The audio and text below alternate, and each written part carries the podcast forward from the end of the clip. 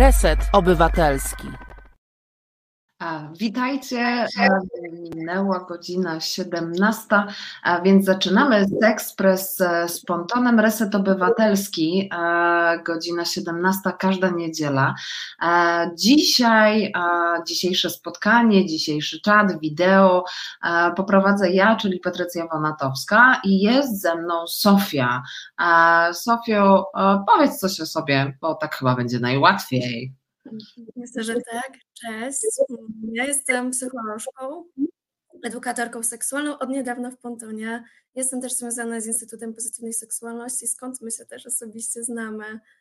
Już tam około trzech lat y, współdziałam. Mm, jako wcześniej jako stażystka, niedługo zaczynam współpracę. No, więc to mogę o sobie powiedzieć. Okej. Okay. Czyli działasz tak naprawdę na wielu obszarach. Rzeczywiście ta edukacja seksualna, e, seksualność też jest chyba takim obszarem, e, gdzie część osób e, swoją, m, swoim zaangażowaniem trochę też pokazuje, e, na jak wielu obszarach się działa rzeczywiście w tym zakresie. Mm. Więc też jesteś kolejną tak naprawdę osobą, która, która jest trochę też tego przykładem. E, dobry wieczór wszystkim. E, tak, zachęcamy absolutnie do e, komentowania, do pisania, do, do jak najbardziej interakcji z nami i to jest jak najbardziej wskazane. Entuzjazm będzie spory, bo i my dosyć entuzjastycznie jesteśmy nastawione, więc e, postaramy się też e, trochę z uśmiechem, ale trochę też na poważnie, bo dzisiaj dosyć poważny temat. Poważny w kontekście i samej edukacji seksualnej, i poważny tak naprawdę w kontekście też seksualności, bo jak wiadomo, seksualność to nie linia ciągła, to jest nieustająca lekcja tak naprawdę życia, więc całkiem sporo dowiadujemy się o tej seksualności i co się tak naprawdę dzieje, kiedy jeden bardzo istotny element trochę odłączamy od seksu i seksualności jako takiej, bo mam gdzieś trochę wrażenie, że faktycznie trochę często e, to podejście właśnie takiego oderwania jest tutaj obecne. I o czym tak naprawdę mowa? No właśnie, drodzy Państwo, Panie, Panowie, osoby, dzisiaj będzie o ciele. E, I trochę też będzie o ciele w kontekście ostatnich wydarzeń społeczno-politycznych, ale zacznijmy trochę z takiej naszej edukacyjnej e, strony, e, czyli Sofio, czym dla Ciebie tak naprawdę jest trochę ciało w seksie seksualności? Jakiej ciało ma znaczenie w ogóle w seksualności i czy masz podobne wrażenie, że momentami faktycznie następuje gdzieś takie odłączenie swojego rodzaju właśnie tego ciała od seksualności? Jak to wygląda z Twojej perspektywy? Jasne, to już były trzy pytania w jednym.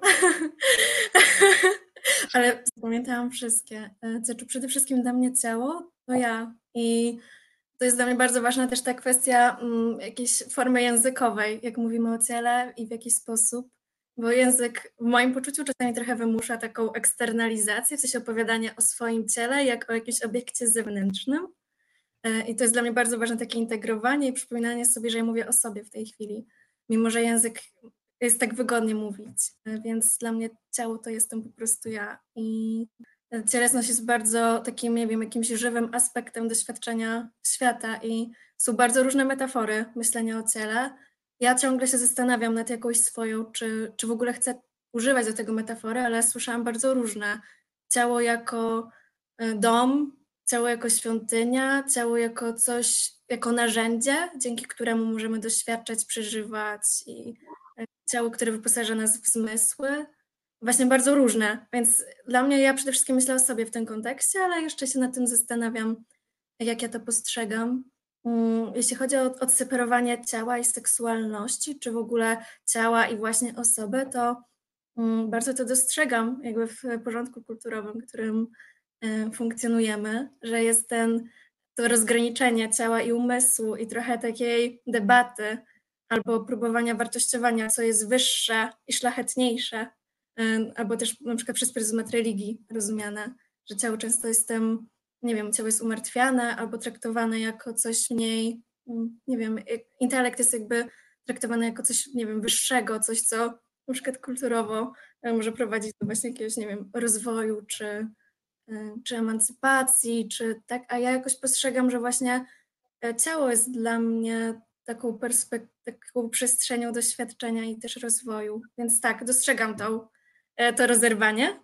Mm, I myślę, że ono jest też po prostu związane z tym, że nie wiem, w jakiejś mojej perspektywie nie żyjemy w kulturze dotyku, jakiejś takiej pielęgnacji, afirmacji cielesności, bycia blisko ciała. Ale mówię z perspektywy Polski, bo tutaj można pójść słynnym przykładem Skandynawii e, i osób, które nie wiem, na co dzień tam saunują w nagości i to jest jakimś elementem ich, powiedzmy, codzienności, rzeczywistości, tak, to jest taki mit. Nie wiem, jak tam jest faktycznie. Mhm. Mm. O czym jeszcze było to pytanie? Ja myślę, że trochę będziecie pewne rzeczy przenikać.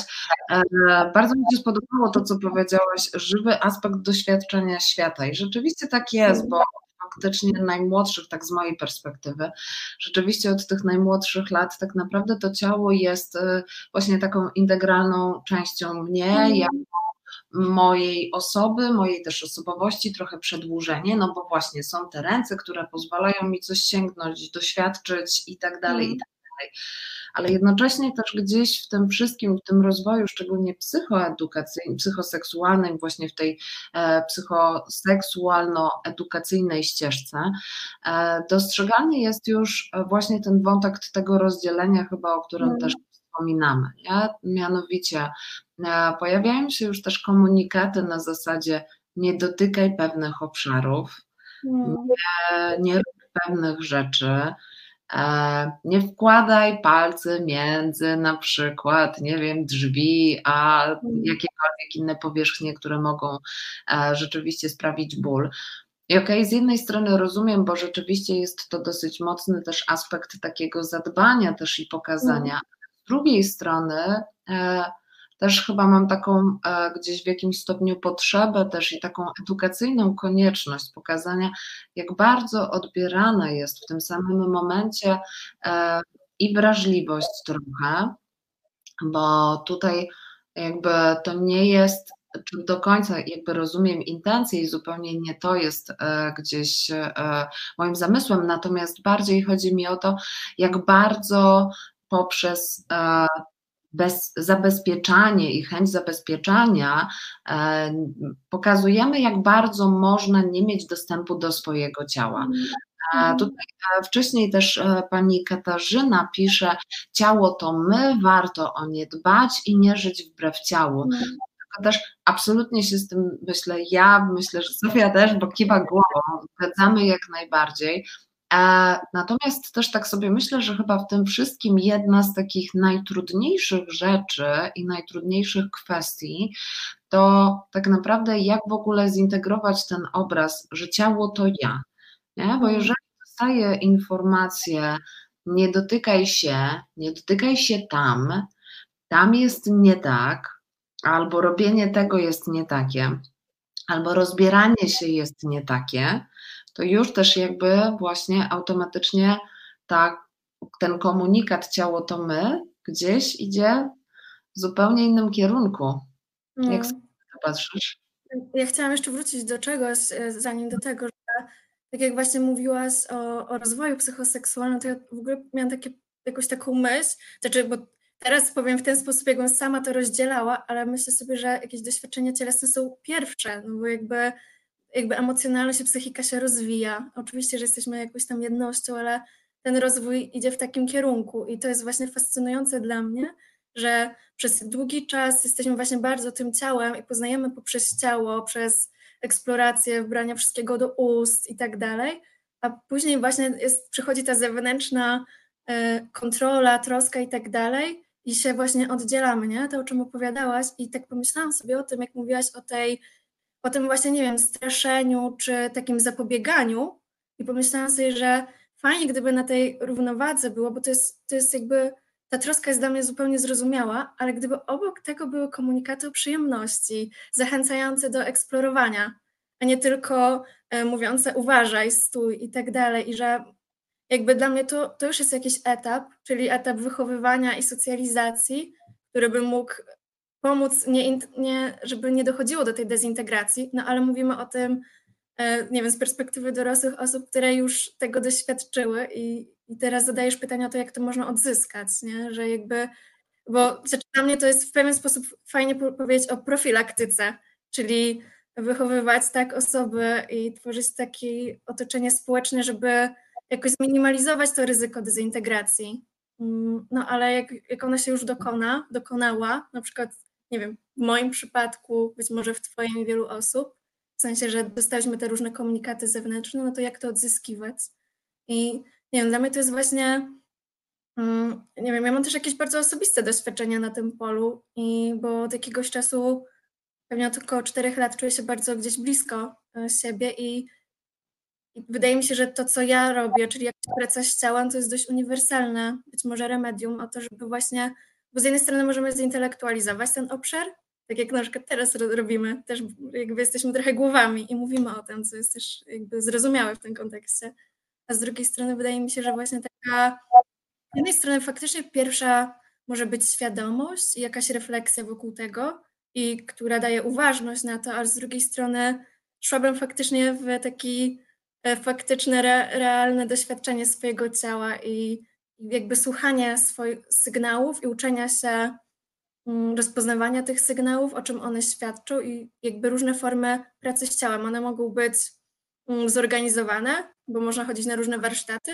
ale myślę, że to można spokojnie robić w zaciszu swoje, swojego domu albo po prostu będąc ze sobą. Więc jakby po prostu, żeby faktycznie przejść na poziom cielesny, a nie tylko mówiąc o tym.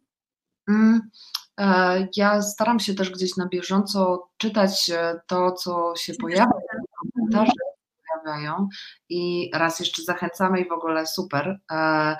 Natomiast pani Kasia też cały czas pisze, nagość jest normalna, nie trzeba robić ekwilibrystyki, przybierając kostium i dalej Mile jest też porusz, miłe jest też poruszanie się wśród osób, które nie mają mentalności nastolatka, który nie może skupić uwagi widząc ciało. Jakby na poziomie mentalnym absolutnie też się zgadzam. Gdzieś też e, jakby myślę, że to trochę właśnie zahacza o e, i i o nagość, i o cielesność, i o, co jest bardzo też istotne, właśnie jakiś etap w ogóle tego psychorozwoju. I dlaczego też do tego nawiązuję, bo też tak sobie myślę, że Chyba rzeczywiście ten moment tak naprawdę w życiu człowieka, e, czyli to bycie e, nastoletnim e, człowiekiem, czyli wchodzenie i w ogóle poznawanie siebie w ogóle z tej perspektywy tego, co moje ciało ponownie przede mną odkrywa. No bo nie oszukujmy się, ale to w ogóle to życie hormonalne swoje, nasze ciało swoje, nasz umysł w pewnym momencie swoje i czasem nie idzie to w parze. I rzeczywiście to jest taka nastoletnia też czasem próba w ogóle połączenia i scalenia tego wszystkiego. Mhm. Przy jednoczesnym też ewentualnym właśnie takim doświadczeniu swojej seksualności, próbą trochę ogarnięcia tej seksualności, ale jednocześnie już dostawania też innych komunikatów, to znaczy, jeżeli zrobisz to tak, to znaczy, że to jest właśnie jakieś. My już w tym momencie nadajemy temu jakieś znaczenie. To znaczenie bardzo często zostaje wtedy przez resztę tak naprawdę też życia, nie? Bardzo często. Tutaj pojawia się też ten aspekt, o którym powiedziałaś, świadomość, uważność i absolutnie ja też się z tym zgadzam, e, ale też trochę zastanawiam się, co można ewentualnie zrobić, bo jakby z jednej strony mówimy, ok, ciało, cielesność, nagość, to wszystko jest ważne, mówienie, pokazywanie, oswajanie, to wszystko jest ważne. Ale nie zapominajmy też jeszcze o tym aspekcie w ogóle tej kultury i tego, co w ogóle się mhm. dzieje dookoła nas. Czyli mhm.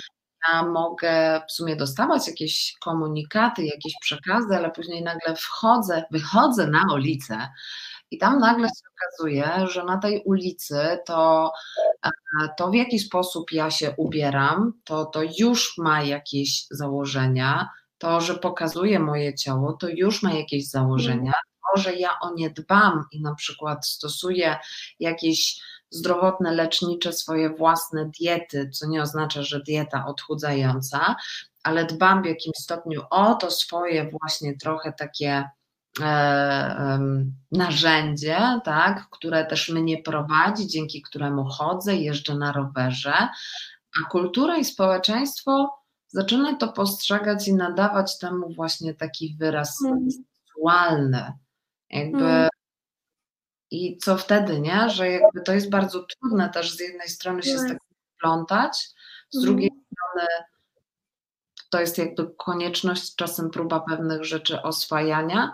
I to jest też, mam takie wrażenie, też kolejny moment, który jednocześnie przykłada się do tego od uprzedmiotawiania swojego ciała. Co mhm. oznacza, że jakby wtedy rzeczywiście coraz mocniej zaczyna być ono e, przedmiotowe. To jest mhm. tylko właśnie narzędzie. To jest mhm. to, co świadczy o mojej seksualności, to jest to, co świadczy o moim poziomie i statusie społecznym czasem. Mhm. mhm, mhm. Ja mam parę myśli w ogóle, jak o tym opowiadasz. E, takie, że z jednej strony takie uważnienie tego i faktyczna obserwacja, że te kulturowe ramy często nie są sprzyjające i są bardzo oceniające i wpychające nas właśnie w jakieś schematy i normy, że jakby czuję, że taka przestrzeń społeczna często nie jest zbyt otwarta na różnorodność, tylko właśnie jest ten jeden kanon, y, do którego jesteśmy zachęcane i nagradzane, żeby i zachęcani, żeby dążyć. A z drugiej strony nie chcę też o tym myśleć wyłącznie jako czymś karzącym i opresjonującym i myślę o tym, że jednocześnie kultura na nas wpływa, jednocześnie my tworzymy społeczeństwo i kulturę aktywnie i ja też widzę jakieś zmiany, tak bardzo myślę powoli, ale wiem, że też aktywnie możemy tworzyć te zmiany i też aktywnie możemy tworzyć sprzyjające sobie środowisko i wybierać to też jakby, co nas otacza. Teraz na przykład już myślę bezpośrednio o przestrzeni internetu i na przykład y, Instagramu, w którym z jednej strony jest wiele takich przestrzeni, które mogą nas bombardować takimi tworzącymi jakąś presję obrazami, jak ciało powinno wyglądać, jak, jak, jak się zachowywać i tak dalej, ale z drugiej strony widzę, że jest naprawdę coraz większy ruch tak zwanej ciałopozytywności chociażby, który właśnie wychodzi temu naprzeciw. I mi się bardzo podoba to, że każda osoba ma taką sprawczość i decyzyjność i może i wbrew temu, że to są różne algorytmy i tak dalej, ale mamy jakiś wybór i możemy wybrać właśnie co chcemy, żeby nam się pokazywało i jakie obrazy chcemy konsumować, jakie obrazy, jakimi chcemy być blisko. I, I to mogą być obrazy różnorodne, to mogą być obrazy akceptujące, e, otwarte na właśnie na to, że po prostu ciało jest jakie jest, e, w jego całej tej fizjologii i autentyczności, prawdziwości, z fałdkami, włosami, wydzielinami, albo i bez włosów, jeśli ktoś tak woli. Tylko żeby jakby było to przedstawienie tej całego spektrum e, i, i to. A też myślę, mm, tak jak o tym opowiadałaś, to właśnie też, czekaj, w tej chwili mi uciekła myśl, ale po prostu dużo wątków to dla mnie poruszyło i zaraz sobie przypomnę, co jeszcze chciałam powiedzieć. Na pewno mówiłaś o uprzedmiotawianiu. Hmm. Tak, i to też jest właśnie takie bardzo, nie wiem, poruszające i, i to jest też o tyle trudne, że jakby trudno jest rozpoznać, że się samemu tego też dokonuje, tak myślę czasami. I że można trochę wzmacniać to, niestety, y, że się samą siebie też ocenia albo samego siebie. Mm. Ja myślę, że trochę tutaj tak e, zatrzymując się przy tym, rzeczywiście te wydarzenia też trochę polityczne chyba też pokazują, jak bardzo z jednej strony faktycznie to ciało jest niby takim polem, o które niby w jakimś stopniu mamy dbać, no bo też mówimy o profilaktyce, ale wiemy też, jak bardzo często w ogóle ta profilaktyka, na przykład pod względem infekcji przenoszonych drogą płciową, jak jest stosowana, e, ale z drugiej strony właśnie to ciało jest tak naprawdę też takim obszarem takiej trochę też walki, odzyskiwania. To jest rzeczywiście takie pole, szczególnie to ciało e, tutaj jakby rzeczywiście to określenie e, kobiety, kobiecości, też osoby z macicą, bo, bo o tym też między innymi mowa w kontekście chociażby właśnie praw reprodukcyjnych, hmm. aborcji. To też tak sobie myślę, że właśnie, że jakby że trudno jest, i to jest znowu chyba ten o, aspekt tak naprawdę takiego rozdzielenia, trudno jest tak naprawdę rzeczywiście o takie połączenie, o takie scalenie, bez względu na to też czasami, jak bardzo dużą wiedzę się ma na ten temat, trudno jest właśnie o ten element scalenia, nie? że mm. e, cała nasza wiedza czasem w obliczu właśnie tego, że i tak trzeba walczyć o to, żeby mieć w ogóle dostęp do swojego własnego ciała i móc je tak naprawdę odzyskać, to jest właśnie ta dodatkowa energia. Tutaj też od razu mi przychodzą te wszystkie na myśl, te wszystkie komentarze dotyczące tego, jak dana osoba w polityce się ubrała. Mm komentuje się na przykład tego, w jaki sposób, jakby na czym polega merytoryczność wypowiedzi tej osoby, tylko rzeczywiście pokazuje się na przykład albo e, umniejsza się jej e, e, w ogóle sposobie mówienia, podejście czy wartość merytoryczną, właśnie zrównując tylko i wyłącznie do tego, w jaki sposób dana osoba się ubrała, co zrobiła, jak stanęła, czy rzeczywiście dzisiaj ma dzień włosów, czy dzień totalnie nieukładających się włosów, nie? więc e, mm. rzeczywiście tutaj e, trudno jest e, jakby o odzyskiwanie i czasem taki chyba ten to miejsce i tą przestrzeń, która tak naprawdę pozwoliłaby nam faktycznie scalić się z tym ciałem, nie? Mm. Bo o ile z jednej strony mogę mieć wybór i rzeczywiście poszukiwać tych swoich rzeczy, które będą dla mnie lepsze lub gorsze, mm o tyle chyba strasznie trudno jest odseksualizować ciało. Mm. Mm. Myślę, że tak, w sensie, że warunki zewnętrzne nie sprzyjają temu, nie? I to jest trudne, że wydaje mi się, że to trzeba bardzo dużo wysiłku mm, w to włożyć i, i jakiegoś takiego, hmm, takiej właśnie przekierowania swojej uważności na to, z czym mi jest dobrze, co mi dobrze robi, jak mi jest i gdzieś próbowania nie jest łatwo się odłączyć od tych zewnętrznych komunikatów. Nie? Dlatego dla mnie też jest tak ważne to, o czym mówiłam, o tym tworzeniu tego środowiska albo wybieraniu sobie gdzieś tam jakiejś części przynajmniej wspierających siebie komunikatów, żeby, żeby jakoś to bilansować po prostu, ale nie, to zgadzam się, myślę, że to jest naprawdę trudne, ale że nie chciałabym mówić o tym w taki sposób, że mi się załamują ręce, że żeby nie chciałabym popadać w jakąś taką, bardzo to jest dla mnie ważne, żeby nie popadać w jakieś takie poczucie bezradności, tylko na pewno ważne jest, żeby to zobaczyć, że to jest trudne, ale żeby właśnie zastanowić się, y, jak można siebie jednak w tym wzmacniać. I mam poczucie, że nawet obecna taka ogromna mobilizacja, y, trochę mobilizacja kobiet i osób różnych strajkujących teraz na przykład, też jest jakby jakimś polem do tego, bo te y, jakby zaczyna się właśnie mówić publicznie o tym, że mamy prawo do własnych ciał i jakby y, ta dyskusja wchodzi na taką właśnie przestrzeń publiczną i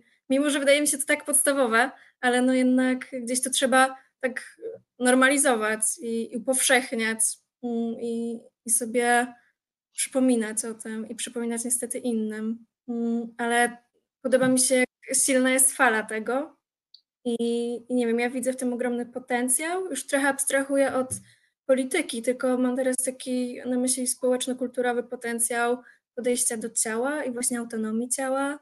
Bardzo potrzeb... ja bym jeszcze bardzo sobie życzyła, żeby w przestrzeni publicznej więcej można było mówić o przyjemności. Tylko może trochę jest trudno mówić o przyjemności, gdy trzeba walczyć o coś tak podstawowego, jak o decyzję o, o sobie. Hmm. Absolutnie się z tym zgadzam, co powiedzieć, że rzeczywiście trudno jest o eksplorację pewnych obszarów w momencie, kiedy tak naprawdę najbardziej podstawowe rzeczy są zabierane.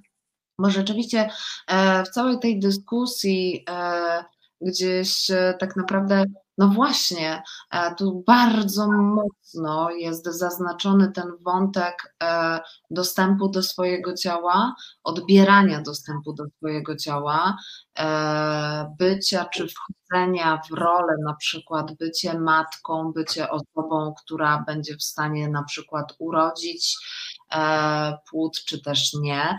Więc jakby tutaj też a propos też jak mówiłaś o tym języku, czyli rzeczywiście takie absolutne oddawanie też tego, w jaki sposób traktuje w ogóle swoje ciało, nie? Mm.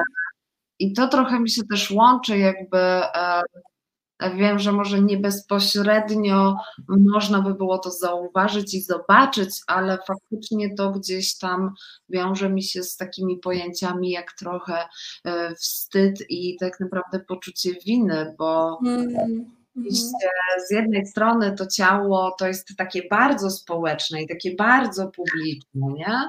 E, a z drugiej strony i też właśnie e, ciałem i cielesnością i nagością sprzedaje się e, jajka kurze, beton, asfalt i opony, a z drugiej strony, no właśnie, mówi się, ok, nie masz możliwości wyboru, nie możesz decydować o swoim własnym życiu i ktoś za ciebie podejmuje decyzje i to trochę mm. tak jak właśnie z tymi osobami nastoletnimi, nie? Że gdzieś jakby nieuczenie tego, że mają swoją własną przestrzeń, mm. będzie miało też właśnie i może mm. mieć takie, a nie inne konsekwencje.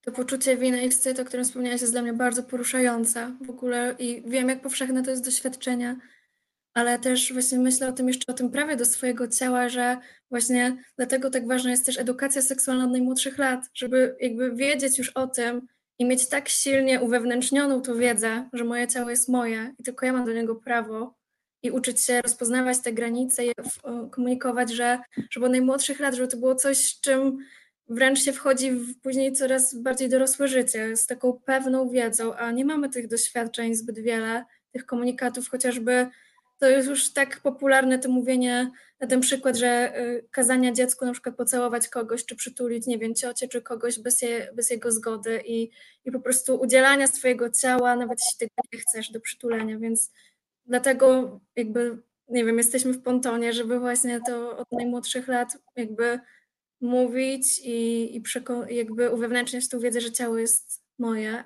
I, i wyobrażam sobie, że to też wpływa na zmniejszenie poczucia, jakiegoś ryzyka poczucia wstydu i winy później, no bo jakby wchodzisz z takim bardzo silnym przekonaniem w życie, że mam prawo do swojego ciała, a jeszcze możesz mieć przekonanie, że ciało może mi dostarczać, albo poprzez ciało mogę odczuwać przyjemność, nie? jakąś zabawę, odkrywać siebie, poznawać siebie. I też właśnie jak myśl, mówisz o tym wstydzie i poczucie winy, to też myślę o kwestii nagości i kwestii na przykład nagości potencjalnie w domu, która mhm. może oswajać z tym właśnie, jak ciało wygląda, jak ciało się zmienia.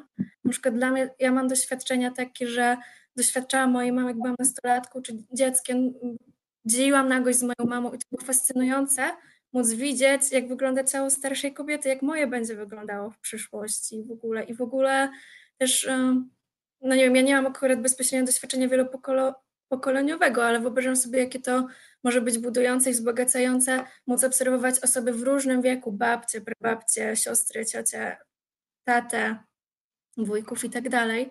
I że jakby ta nagość w domu, jeśli jest oczywiście za zgodą wszystkich zaangażowanych stron, y, może oswajać właśnie z byciem w swoim ciele, byciem ciałem, ale też z ciałami innych osób i wyobrażam sobie, że zmniejsza jakieś poczucie wstydu i, i winy, bo po prostu widzimy, że ciało jest, to jest normalne, że ciało, nie wiem, wydaje jakieś pach, kolory i tak dalej i myślę, że też to poczucie winy i wstydu zmniejsza taka możliwość oglądania właśnie różnych ciał i różnych reprezentacji ciał i po prostu uświadomienie sobie, że to jest jakby normalne, że ciała są różne, że ciała są duże, małe, wysokie, niskie, owłosione i nieowłosione i tak dalej, kolorowe.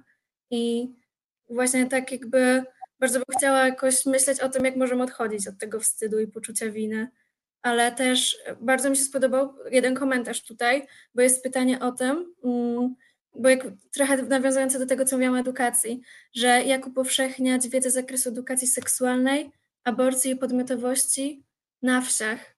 I to bardzo mi się spodobało to pytanie, bo to jest super ważne, y, żeby właśnie nad tym się pochylić, bo mówimy z perspektywy, y, no nie wiem, my obie z dużych miast i y, ja na przykład jeśli chodzi o to, to mm, sama się nad tym zastanawiam bardzo i jakby dla mnie to jest bardzo ważne, żeby ta edukacja właśnie była powszechna mm, i szukać właśnie jakichś rozwiązań, mm, jak docierać do niej wszędzie, niezależnie od właśnie statusu socjoekonomicznego czy miejsca.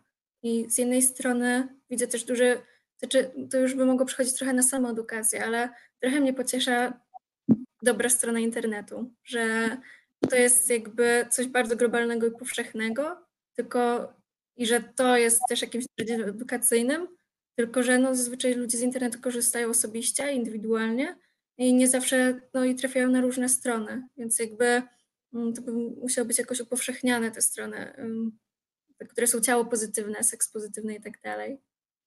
No i... Tak, absolutnie też wejdę Ci w słowo, ale też e, e, nawiązuje do tego właśnie też wcześniej pani Kasia napisała, e, właśnie mówiąc kontekście tego wcześniejszego, e, wcześniejszych wypowiedzi mówię o dorosłych, którzy nie czują się komfortowo e, z biologią, czy to jest gołe ciało, okres, poród, seks.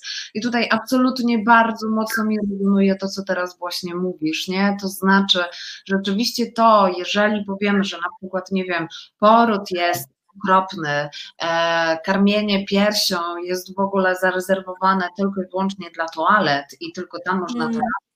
Ale jednocześnie e, reklamujemy wszystkie inne rzeczy w taki, a nie w inny sposób, to to jest właśnie, drodzy Państwo, podkreślmy to bardzo mocno, seksualizacja.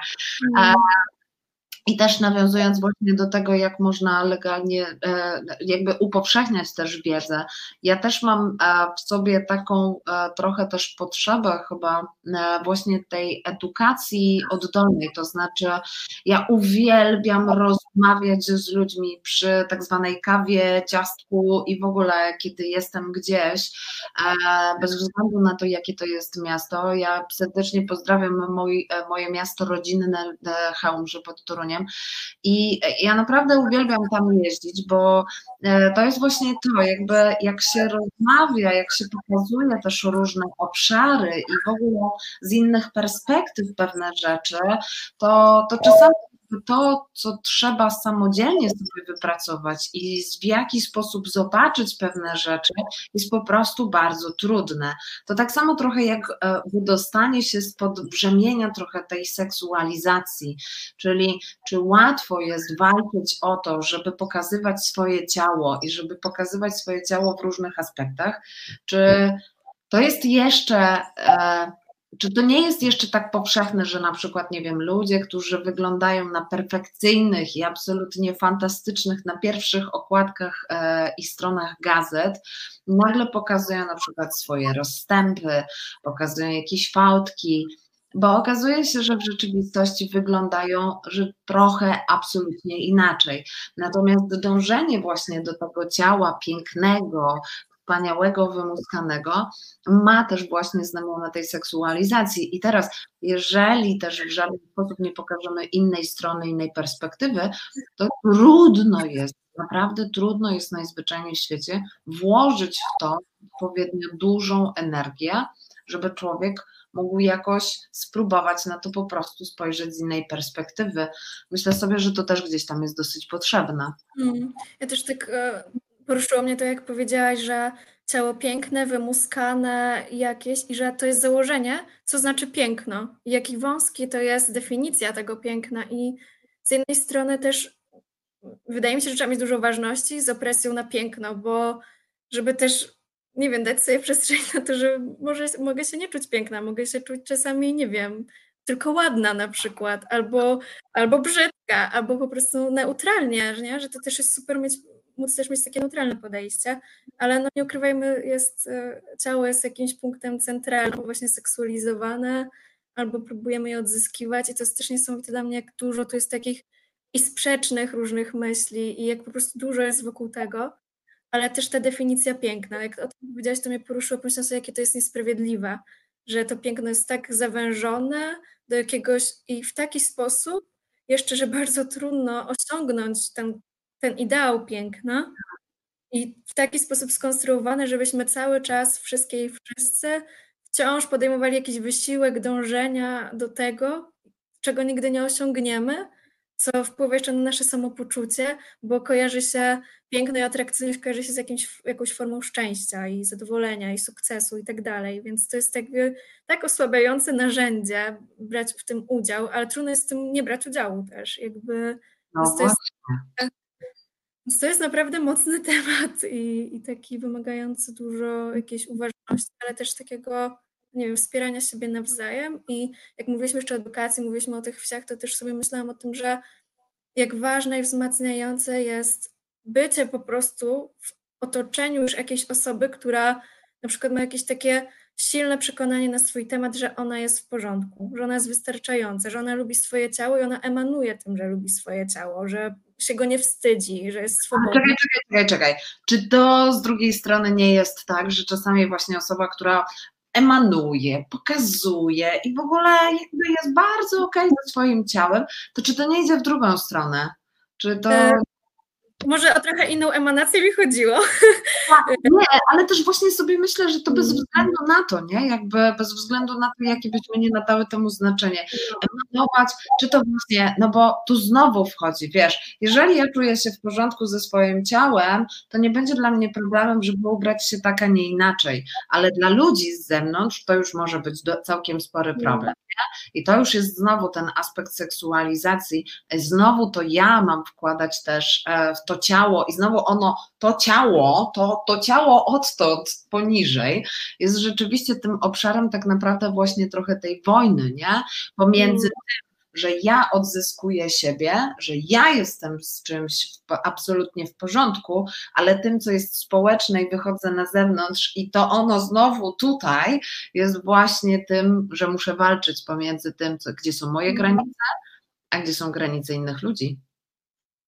Też, to jest w ogóle bardzo ciekawa e, ta kwestia, nie, tych granic innych osób, ale też sobie pomyślałam, że jak jest tak, wiesz, jakieś bardzo wąskie postrzeganie ideału, piękna i, i ciała, albo właśnie takie oderwanie od fizjologii, natura, naturalności jakiejś ciała i cielesności, że taka swoboda to może się wydać właśnie czymś ekstremalnym, a być może w, gdyby norma była gdzieś indziej przesunięta, to by nie było niczym ekstremalnym, że, że nie wiem, że ktoś emanuje tym. E, więc z naszej perspektywy to może być emanacja, a mm, ja bym chciała, żeby to może było właśnie jakieś takie swobodne, ale hmm. no tak, można pójść w, w skrajności, to jest dla mnie właśnie mówienie o skrajnościach i szukania tego złotego środka. Hmm. Mhm. Super. E, Pani Kasiu, dziękujemy, pozdrawiamy. Bardzo się cieszymy, że e, tyle Pani do nas pisze i zachęcamy też inne osoby. I tak, absolutnie też myślę, że na kanwie trochę tego, co, co też mówimy, to tutaj e, Pani komentarz, być może się zgodzimy, być może nie, ale ten komentarz właśnie dotyczący potrzeba w różnym wieku, również takie fizjologiczne oraz jak starsi lub młodsi sobie radzą z wyzwaniami wieku,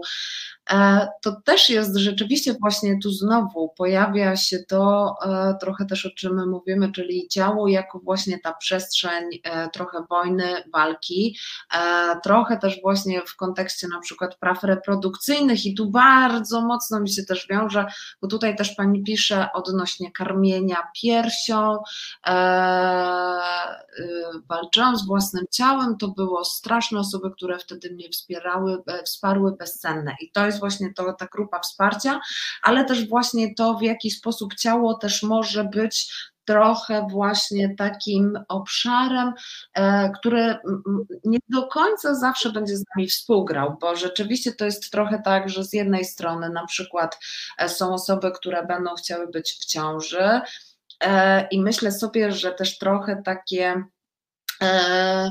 właśnie taka tworzenie takiej otoczki, takiej e, idei tego, że ten stan ma być taki, a nie inny, sprawia, że też jakby odbiera się osobom, które rzeczywiście nie czują się zbyt dobrze, odbiera się im znowu jakieś prawo do tego, w jaki sposób mogą się czuć. Jeżeli osoba na przykład jest po porodzie, to też ewentualnie na przykład, nie wiem, nakłada się jakieś obowiązki, dajmy na to właśnie w postaci tego, kiedy można wrócić na przykład do życia seksualnego, kiedy się powinno, kiedy się nie powinno, jak powinno się wyglądać, nie? Więc tu już znowu jesteśmy tych powinnościach społecznych, co to znaczy i w ogóle jak ciało ma wyglądać, jakie powinno być i jakie na przykład kanony powinno spełniać.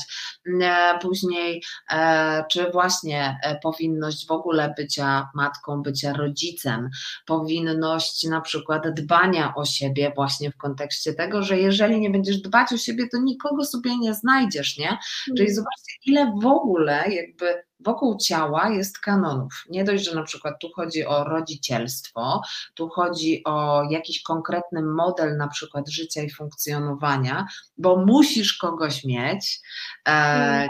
w tym kontekście zupełnie społecznym, to musi być jakaś osoba, ty musisz jakoś wyglądać, musisz mieć na przykład, nie wiem, pociąg do jakichś, a nie innych kolorów. Ja! Tego jest strasznie.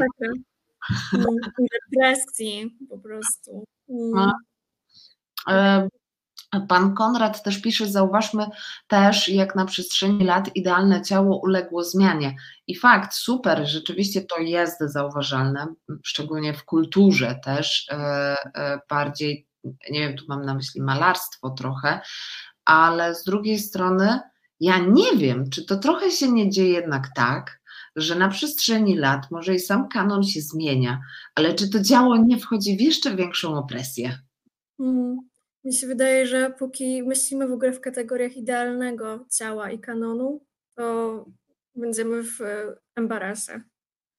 Mm. Że, że możemy w ogóle, nie wiem, to jest jakaś mm, fantazja na temat ujednolicenia.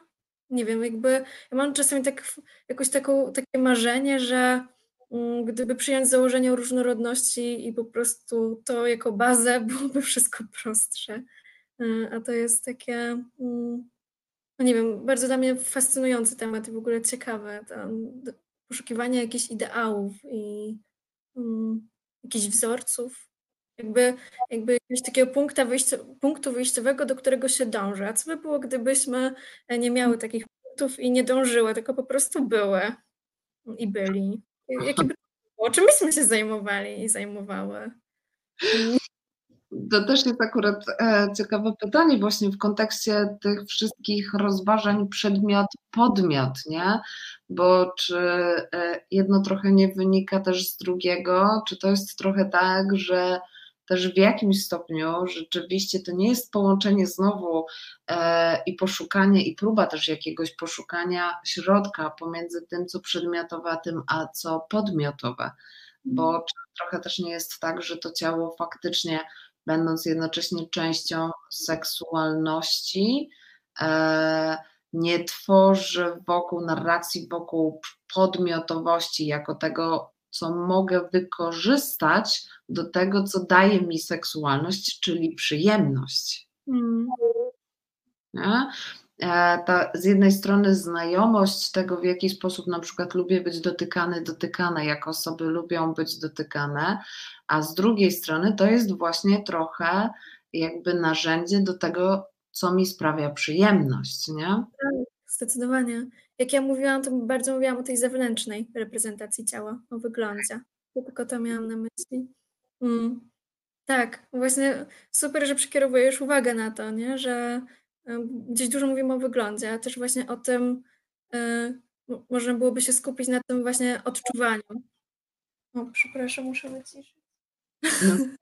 Dobra, ja w międzyczasie e, rzeczywiście popadło wcześniej e, osoba, która się podpisuje Magnus e, Ramirez. Dzień dobry, mam pytanie, jestem nastolatkiem i chciałbym zapytać, czy na bilansie e, będą badać genitalia i jeśli tak, to jak takie badanie wygląda?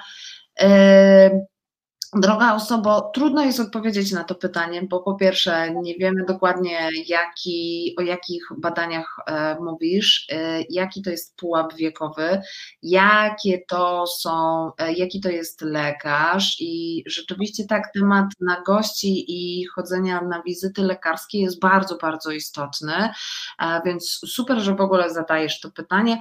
E, zachęcamy i zapraszamy do tego, żeby na przykład napisać je też na forum Pontonu. Nie chcę e, sprawiać i e, robić takiego wrażenia, że nie chcemy Ci tutaj udzielić odpowiedzi, tylko jak mówię, to sporo zależy i jest tutaj sporo zmiennych, więc też jeżeli zadasz nam to pytanie też na forum lub zadzwonisz e, na telefon zaufania, to jak najbardziej udzielimy Ci konkretnej informacji, bo w wyniku po prostu rozmowy i dopytania e, paru szczegółów będzie najzwyczajniej dużo łatwiej, e, ale naprawdę wielkie dzięki za to pytanie i takie, to są właśnie fajne rzeczy i to są właśnie fajne przestrzenie, kiedy w ogóle, no właśnie, kiedy się też mówi, nie, no bo wiesz, to trochę też jest tak, i tu mi się zaraz przypomina, rzeczywiście nie dość, że na przykład ta aborcja, prawa reprodukcyjne, jakby to są tematy, po pierwsze, zrobiły się absolutnie polityczne, więc w ogóle czasem niezręcznie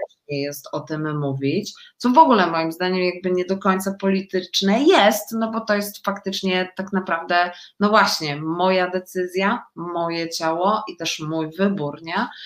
E, I z jednej strony to jest faktycznie taki obszar, taki temat, o, o, którym się nie rozmawia przy niedzielnym obiedzie e, z e, osobami, e, ale też z drugiej strony w ogóle ta ciałość i cielesność i ta nagość, wbrew pozorom, to też nie jest taki w ogóle swobodny temat do tego, żeby właśnie o mhm. tym rozmawiać, bo teraz wyobraź sobie, jakby myślę, że już jest sporo, ja poznam też i sporo e, szkoleń przeprowadziłam e, i sporo historii usłyszałam, jak to jest właśnie, jak e, dorosłe osoby zachowują się w momencie, kiedy dzieci e, na przykład mhm. ściągają publicznie spodnie, sukienki czy inne odzienia i co teraz nagle zrobić, nie? I coraz częściej się zdarza tak, że jak faktycznie dojdzie do takiej sytuacji, to dorośli nie reagują paniką. Mhm. Część z nich, ale część mm, jeszcze zareaguje z paniką. I to też nie jest tak, że kogokolwiek potępiamy, jakąkolwiek z osób. Nie, bo też rozumiemy, że nie wszystkie rzeczy trzeba wiedzieć, nikt nie jest alfą i omegą, ale no właśnie, czemu o tej nagości i tej cielesności w kontekście przyjemności nie rozmawia się przy niedzielnym obiedzie? Hmm.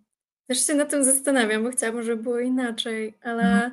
mm, myślę też o tym, że dla mnie to chyba ma już początek właśnie w takim okresie dzieciństwa, kiedy części e, ciała związane, kojarzone z seksualnością bezpośrednio, czyli cipka, pupa, penis, są jakby jakoś zakrywane i, i po prostu kojarzone z.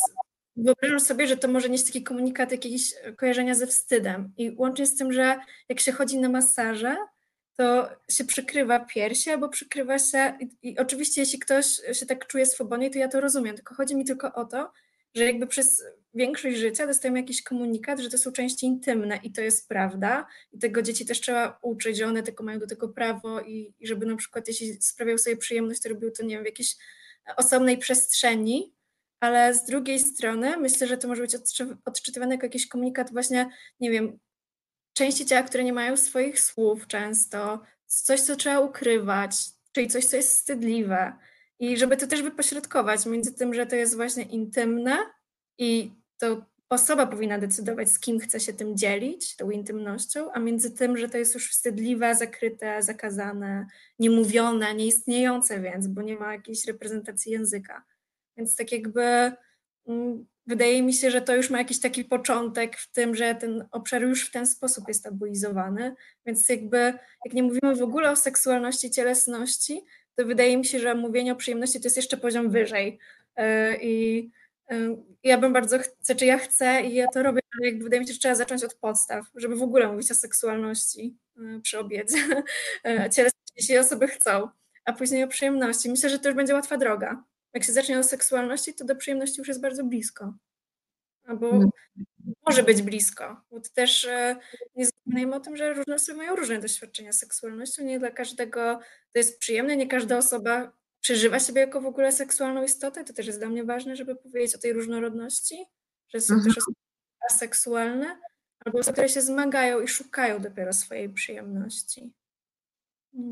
Tak, ja myślę, że też w ogóle warto chyba też w tym kontekście właśnie, że e, po pierwsze, że to ciało faktycznie e, z jednej strony jest takim obszarem właśnie tej walki, wojny, bitwy i w ogóle wszystkich innych rzeczy, e, że trochę też to, co się tak naprawdę teraz na ulicach e, wielu, wielu miast, miasteczek naprawdę dzieje i odbywa, to, to e, co pokazuje tak naprawdę w jaki sposób też chcemy odkrywać i um, jakby odkrywać i swoją moc, i też prawa, i też swoje granice, tak naprawdę właśnie do ciała, cielesności, nagości, seksualności, ale też jednocześnie pokazywać, jak silny i mocny jest to głos, jak bardzo ludzie już zaczęli i osoby zaczęły też krzyczeć odnośnie tego,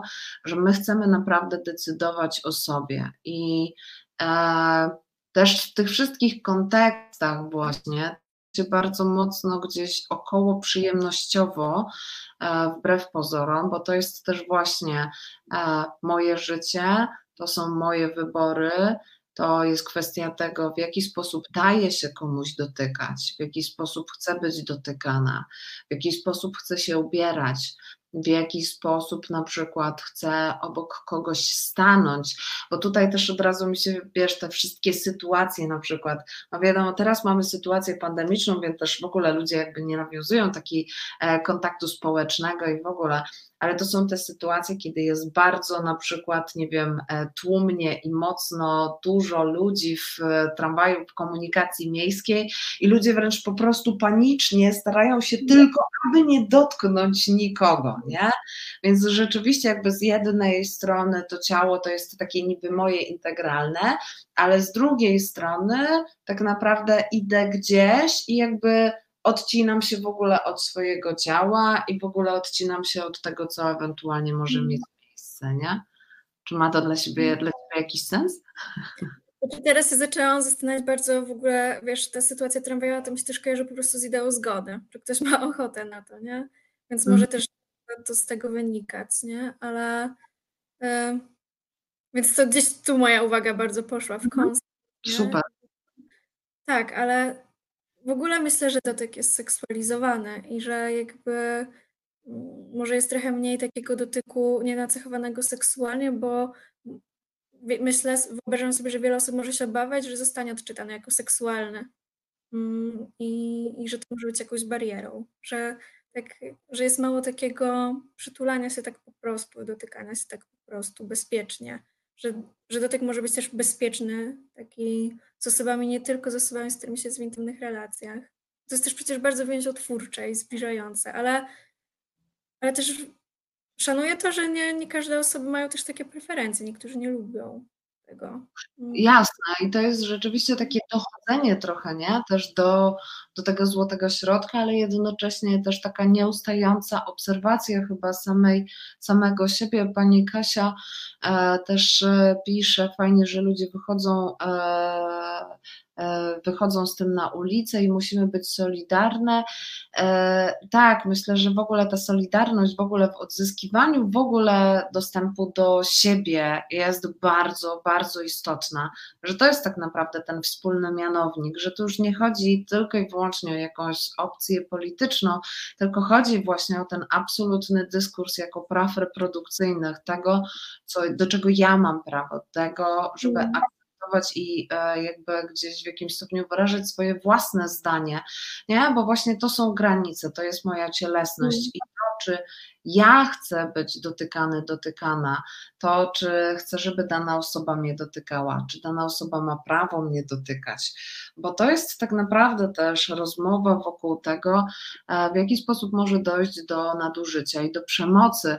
Pani e, Kasia też pisze właśnie o samej agresji, też tak mi się mm. skojarzyło właśnie, właśnie ta sytuacja, kiedy przekraczanie granic, ale nieświadome przekraczanie i dawanie przekroczenia granicy, e, to jest właśnie sytuacja nieznajomości swoich granic. Bo No, czy ich też. Dokładnie, nie? E, to jest to słynne, jak na przykład kobieta mówi nie, to oznacza tak, więc to znaczy, że Mhm. trzeba ją w jakimś stopniu jeszcze pozachęcać, nie? E, I e, rzeczywiście to już jest przekroczenie w ogóle też mojej granicy cielesności, nie? Mm. Mm, Czy dawanie właśnie, czyli te wszystkie rzeczy typu catcallingi, czyli Mhm. e, krzyczenie, gwizdanie i tak dalej, tak dalej, tylko i wyłącznie po tym, że jeżeli ktoś jest w taki, a nie w inny sposób ubrany, ubrana. I tutaj też chyba to, co mi się też nasuwa, to do czego warto też nawiązać, że to rzeczywiście nie dotyczy tylko i wyłącznie kobiet, osób z macicami, tylko właśnie mówiłem tutaj tak naprawdę o ludziach, nie? Bo łapanie za pupę nie dotyka tylko i wyłącznie jednej płci, chociaż rzeczywiście bardzo często tak to może wyglądać, ale e, to, to, to wygląda już teraz tak, że właśnie jeżeli po prostu przekraczamy granice, nie uczymy wyznaczania granic, to po prostu tego nie robimy i tu absolutnie nie ma znaczenia, e, z czym się i z jaką opcją identyfikuje się dana osoba, z czym się utożsamia. Ja tak o tym, jak o tym słucham, to też myślę o tym, że to mi trochę wychodzi naprzeciw temu e, założenie entuzjastycznej zgody. Że nie tylko zgody jako przyzwolenia, tylko wyrażenia zgody z jakimś entuzjazmem, mówienia o tym, że się chce, czego się pragnie, nie tylko właśnie jakiegoś takiego milczącego przyzwolenia i mam poczucie, że to jest może trochę rozwiązaniem, ale też jak mówiłaś o tym genderowym aspekcie i, i o tym, że to dotyczy nas wszystkich, oczywiście żyjemy w takim społeczeństwie, gdzie częściej kobiety padają ofiar, nie wiem, padają tym nadużyciom, ale Mhm. też wyobrażam sobie i spotykam się z tym, że coraz więcej doświadczam takich mężczyzn, którzy mają w sobie właśnie troskę o to, że oni nie chcą być e, identyfikowani z opresorem, tylko że oni nie wiedzą, co teraz mają zrobić, bo jakby zmienia się cały schemat i to też jest dla mnie bardzo poruszające, i że w ogóle to się dzieje, pochylanie się nad tym i wydaje mi się, że najlepszym rozwiązaniem jest po prostu komunikacja.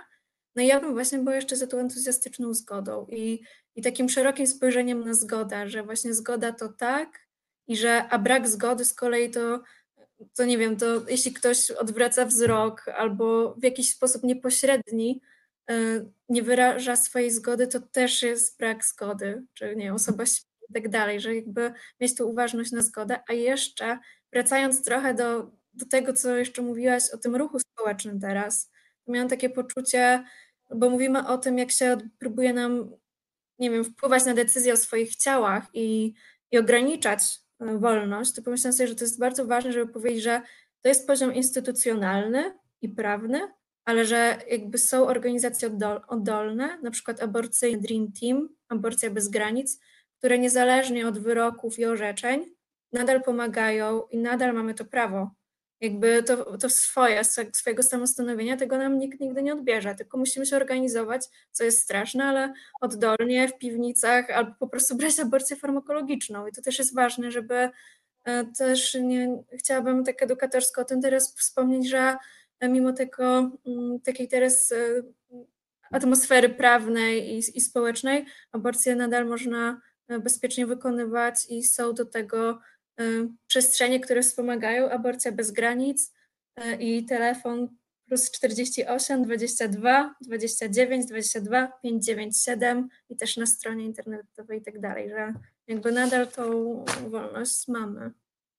Tak, ja myślę, że tutaj chyba w tym wszystkim to to, co jest najważniejsze rzeczywiście, to tak naprawdę podkreślenie, żeby pytać siebie, E, to jest właśnie świadomość, e, to jest właśnie to, żeby zastanowić się, gdzie są moje granice, e, gdzie tak naprawdę moje ciało ma swoje własne granice i gdzie ja chcę je ustanowić.